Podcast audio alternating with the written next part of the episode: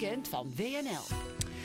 De weekend-update. En dan kwam een hele diepe zucht. eh, Maar eh, hij heeft er zin in. Hij ging door de Jawel, ik heb er socials. zin in. Ja, nee. Ja, en door de kranten. En hij denkt zo, en nou ga ik het eens even Ja, vertellen. Wat nou is het zeggen. nieuws Ja, van dit weekend? Nou ja, Eh, Mark Koster. Laten we het eens een keer omdraaien. Ehm, er zijn heel veel kranten, heel veel media, eh, televisieuitzendingen, Twitter, social media. Maar soms zijn er dingen die niet gezegd worden. En daar wil ik het deze week wel eens over hebben. En ik heb dat hier even opgeschreven. Dat noemen we dan maar de roze olifanten in de media. En ehm, wat mij betreft was dat gisteravond de uitzending van Galit en Sophie. Daarin, ehm, dat programma, zoals we weten, verving de vooravond. Hè, het programma van eh Fidan Ekis en Renze. Ehm, en dat programma was niet urgent genoeg. En ik ga daar gisteravond even voor zitten. Ik dacht, nou, nu komt het meest urgente van deze dag. Gaan wij natuurlijk even kijken naar de neef van Tachi. Het Ja. grote nieuws. Ehm, en ik ging er natuurlijk ook een beetje naar kijken, omdat deze Galit Kassem, de presentator, in dat dossier voorkomt. Hij heeft zelf gezegd dat hij daarvan is vrijgesproken.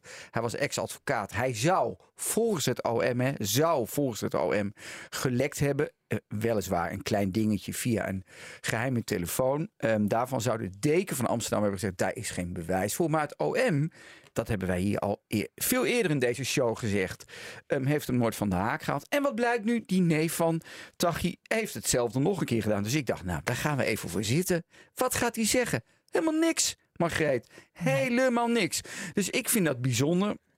En daarom noem ik dat de roze olifant in de media. Er werd niets over gezegd. En ik vind, en dat het klinkt een beetje bozig, het klinkt een beetje streng, maar dat is, ben ik ook best een beetje. BNN-Vara heeft natuurlijk een enorme fout gemaakt door die jongen daar zo neer te zetten. En wat blijkt, we hebben dat ook toen hij aantrad hier in dit programmaatje even gezegd van, doe dat nou niet. Want er komt een dag dat je erover moet praten en dan kun je er niet over praten. En dat was En dat gisteren. was. En dat Ja. was gisteren. Ik vind dat dus een, ehm, ja, best een journalistieke schandvlek. En ehm, ja, we noemen dat maar even de roze olifant. Ja, sorry dat ik er zo in knal. Normaal ben ik altijd vrij rustig en lees ik dingetjes ironisch voor, zodat op dat de luisteraar dat zelf kan bepalen. Ja, maar dit maar is een, denk je dit is echt een van, mening. jongens, dus eh, sorry dat ik hier een mening pijnlijk. debiteer, maar ik vind Nee, dat vrij dat, dat bijzonder. mag jij. Daarom ben je hier ook. Nee, maar en je normaal bent een gesproken mediajournalist. ja, doe- doe- dus het is ook dat gek als je het niet zou doen, eh, Ik, ik, ik stoor me eraan. En eh, ik weet niet hoe. Ja, eh, jij gaat wat lekker tegen me in. Daarom is het ook zo leuk. Maar ja, vind jij dat wel normaal? Laat ik het, ik een, is eigenlijk een leidende vraag. Maar, Geet, nee, maar ik heb, ik heb, eh, eh, ik heb eh, eh, advocaat eh, Ausma eerder deze uitzending eh, gesproken. En die zei, kijk, het was natuurlijk wel zo dat het, dat het wordt gecontroleerd. Hè? Er waren natuurlijk versleutelde berichten gevonden op Ja. telefoons. En toen is dus ook eh, ja, mijn collega dan nu bij eh, de talkshow, eh, ja, die werd verdacht. Want hij zou inderdaad een connectie hebben. En da- daar zou, daarvan zei Is nog niet weersproken? Nee, maar ik, Is niet weersproken. Ik, ik weet dat niet. Ik zeg, ik, maar Ausma zei tegen mij wel. Als dat bekend is, dan hebben ze natuurlijk wel een reden om door te zoeken.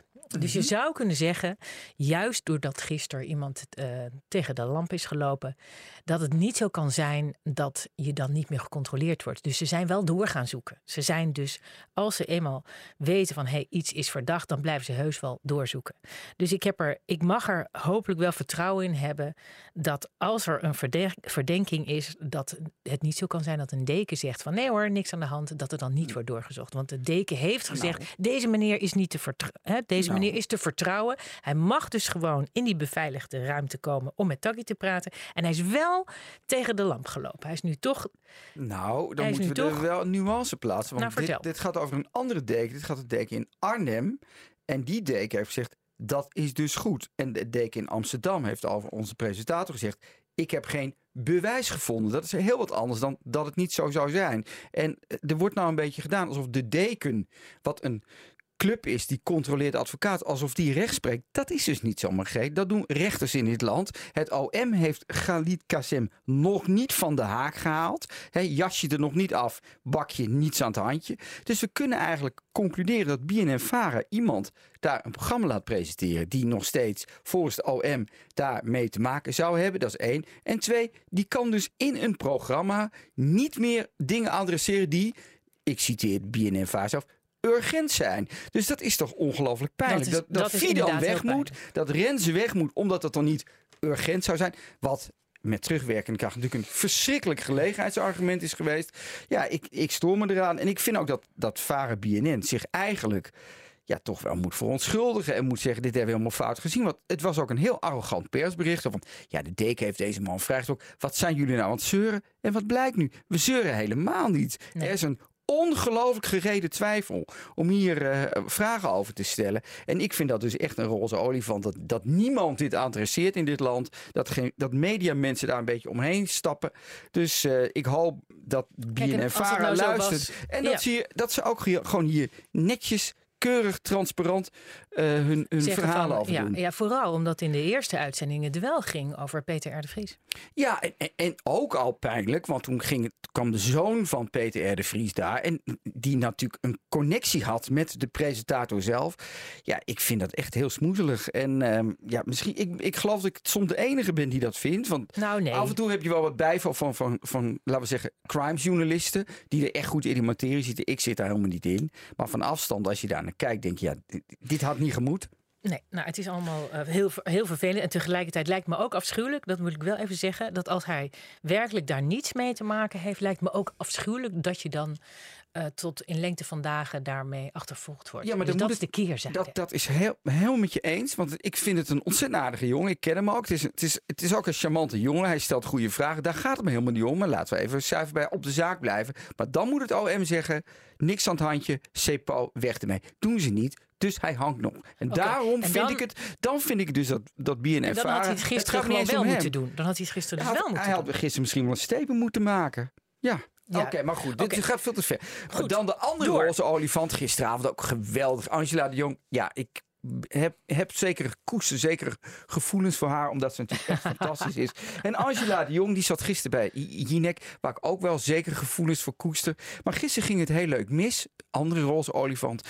Angela de Jong adresseerde de lage kijkcijfers bij Eva Jinek. En die schrok een beetje. Maar wat ze ook doet, en dat was echt een mooi moment, dat ze zei van ja, ik, ik kijk niet naar alle uitzendingen van jou. Dat vond Eva al heel raar. En toen memoreerde ze dat ze de, de uitzending waarin Martijn Koning, hè, de grote rel met Thierry Baudet, dat ze dat niet live had gezien. Ze had wel teruggekeken. Uh, dus daar, daar, daar kwam ze op terug. Jinek die schrok, die schrok daarvan. En toen dat eenmaal werd geadresseerd, zei: Zullen we snel doorgaan? Ja, vind ik ook fantastische televisie. Alsof te... een recensent het kan opbrengen om al die uitzendingen live te gaan kijken. Wat nou, ongelooflijk naïef. Ja, ongelooflijk naïef. Ja, en, en dus ik vond wel een leven, mag ik hopen. Ja, ik vond dat dus ook heel leuk om naar te kijken. We hadden de, de, de, de rechten, we hadden, even kunnen luisteren, maar volgens mij ging dat met RTL niet helemaal goed. Maar toen zeiden even, we, we gaan even lekker door. En dat vond ik ook een mooi moment, hè, roze olifant. Want ik denk van, ja, nee, nee, nou moet je het ook vertellen, lieve meid. nou, bring it on. Maar dat vond ik dus heel leuk van uh, Angela de Jong. En wat ik dan ook wel vind, is dat de televisie tegenwoordig ook steeds meer over de televisie gaat. Over de televisie. Uh, er zat in die uitzending een geweldig uh, fragment van Squid Game. En ja, dat moeten we nu vandaag even benoemen. Dat is de Netflix-serie. Oh. Die nu ja, door al mijn kinderen, ik heb er maar twee, worden beke bekeken. door al mijn neefjes en nichtjes worden bekeken. Door alle mensen die ik ken worden bekeken. Nou, dus laten we even over? luisteren. Squid Game. Pas. 애들 게임 규칙 단순해. 내가 무조건 이기게 해줄 테니까. 무슨 수로? 무슨 수를 써서든.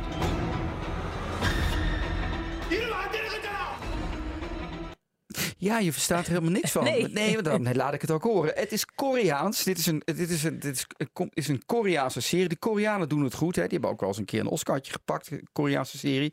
Maar dit is zo verschrikkelijk. Parasite was het geloof ik. hè? Precies, dit is een verschrikkelijk grote serie. En wat mij dan frappeert bij zo'n uitzending, dat is toch Nederland gaat steeds meer in zichzelf. Die televisie gaat steeds meer over zichzelf praten. Terwijl ik denk, praat hier dan eens een uur over. Dus ik heb er ook een tweetje uitgedaan van ja, is die tv niet een in zichzelf gekeerd medium aan het worden? Even Jinek, ik weet niet of je luistert. Um, dus zou je niet wat meer openen moeten? En toen vandaag, je stelt die vraag op Twitter en Elif is dit man, echt een brutale meisje van de Telegraaf. Die Oud-collega. re reageert meteen. Mark, hier is de ontleding van dit probleem. Squid Game ontleed, dubbele punt. In deze narcistische tijd van in zichzelf gekeerde media en politiek heeft iedereen de therapeutische behoefte aan een dystopisch spelletje. Dystopisch moeilijk woord voor luisteraar. Laten we zeggen zwartgallig. Zwart zwartgallig spelletje waarin een paar Zuid-Koreanen elkaar afslachten voor geld. Zoiets Elif is het man. Deze serie is zo verschrikkelijk gewelddadig. Het is extreem. Het is buiten alle proportie. En daar kijken al jouw familieleden graag naar. Maar ik niet alleen. Ook Fransje Bauer, die in dezelfde uitzending dat in een soort bijzin vertelde. Terwijl ik dacht, ja, maar dit is de essentie van deze uitzending. Dus ik vond het heel mooi dat Frans Bauer, de braafste volkszanger van land, hier ook met zijn zoons naar kijkt. Dus ik vond dit een gemiste kans op de Nederlandse televisie deze week. En daarmee wil ik eigenlijk de roze olifanten eerder in de hoek zetten. Misschien kunnen we er volgende week uh, kunnen we een rubriek van maken. Fijn. Wat heb je nog meer? Beatrice de Graaf. Eigenlijk nog nooit genoemd hier. En ja, het is toch een soort serene historica, toch? Vind je niet? Keurig, had ziet zo mooi verzorgd uit. En ze heeft een geweldige column geschreven over de antifaxers. En waarom die mensen zo bozig worden de laatste tijd. Um, ze heeft daar een, een, hele theorie omheen gebouwd. Ik lees hem even voor. En als alle abstracties afkalven, vinden we tenslotte alleen nog houvast in het eigen lichaam. Mooi gevonden, hè? De nieuwe kerkgang is die van de yogameisjes die hun lichaam als individualistisch collectief in de sportschool aanbieden. Verkeersdrempels, belastingbrieven, de regels van de voetbalclub, alle inperkingen van ons dagelijkse vrijheid kunnen we aan, maar van het lichaam blijven ze af. Dat is ons laatste bastion van verzet. Vond ik ongelooflijk mooi gevonden, want ik kon Waarmee het ook wel opneemt voor mensen die zich uh, zeker, benadeeld zeker. voelen door de gang maar, van zaken. Ja, dat vind ik ook. Maar ik vind dit wel mooi, want ik kwam er eigenlijk ook niet uit. Hè, waarom die mensen nou steeds nee blijven zeggen. Je denkt, ja, pak die prik, wat maakt dat uit? Uh, dan kun je naar binnen, overal. Waar zit dat nou in? En ik vind dat wel mooi dat deze week, ja, zij dan met zo'n mooie beschouwing erover komt. Zet ook alle Waardoor moeilijk... ze meer begrip gaat uh, creëren. Dan hebben we ook nodig mensen die daar een brug tussen bouwen. Want die polarisatie vind ik echt zorgelijk. Vind, nou, ja, dat vind ik dus ook. De polarisatie is zorg, maar ik vond dit dus een hele mooie column die het bruggetje bouwt. En uh, ja, bij WNL, we staan open voor iedereen. We zijn liberale mensen. We staan niet met rug naar dat soort types. Uh, ik ben er niet van, maar we moeten nou, toch open gezegd, blijven. Ik kwam uh, bij een restaurant en toen zeiden ze, wij controleren niet. En wat dacht je toen? Nou, wat fijn voor de mensen die niet geprikt zijn. Oh, juist. Dat, ja, maar je denkt ik dacht, niet, ja, ja, dat is een liberale... Uh, ja, maar je denkt ja, maar niet... restaurateur. Ja, weet je, die, die wil dat zelf bepalen. Ja. Nou, is dat niet ook liberaal? Ja, ik zou ook naar binnen gaan daar. Denk, ja, ik ben geprikt. Ik zou, je dan, ja, zou je dan denken, nou, nee, oh, dan vind, ga ik niet naar binnen, want ik, ik ben geprikt? Nee, nee. Maar goed, misschien is dat wel, wel leuk dat we dat hier nu even adresseren. Dat ook mensen die zich niet hebben laten prikken... en laat die nou gewoon binnen, joh, die paar mensen. Kunnen we ook vinden, toch? Het is, nee, het is inderdaad een grote meerderheid heeft het wel gedaan. Gelukkig maar, want die, die helpen de rest. Dan ook een geweldig taboe doorbreekt in met Thijs van der Brink. Zwaar gelovig, maar Thijs van der Brink heeft een paar hele pikante zinnen in een heel erg mooi interview wat mij betreft in het Algemeen Dagblad. Hij verklaart eigenlijk dat hij niet gelovig zou zijn als hij zou opgevoed zou zijn in een niet-gelovige gemeenschap. Ik denk dat ik ook niet, ik denk ook niet dat ik gelovig zou zijn geworden als ik in een niet-gelovige omgeving was opgegroeid. Vind ik een ongelooflijke opmerking. Hij verklaart eigenlijk dat hij heel veel twijfelt of hij christen is, hè, of hij daar nog wel toe behoort. Oh ja, maar dat hij vind ik opmerkelijk. Vind ik een opmerkelijke uitspraak. Stel dat jouw hele vriendenkring gelovig zou zijn en dat op een symp sympathieke manier zou uitleven, zou jij dan ook, zou jij dan niet zou jou dat ook niet aan het twijfelen brengen. Oké, okay, maar dan, als je het omdraait, is het dan ook zo. Ja, als jij daar was opgegroeid, precies, dus dan zou je het dus ook Hij denken, vertelt ja. ook dat hij best wel in verzet is geweest tegen zijn opa, tegen zijn vader. Die was dominee. Die, dat hoort er ook een beetje bij, dat je dan in verzet Ja. gaat.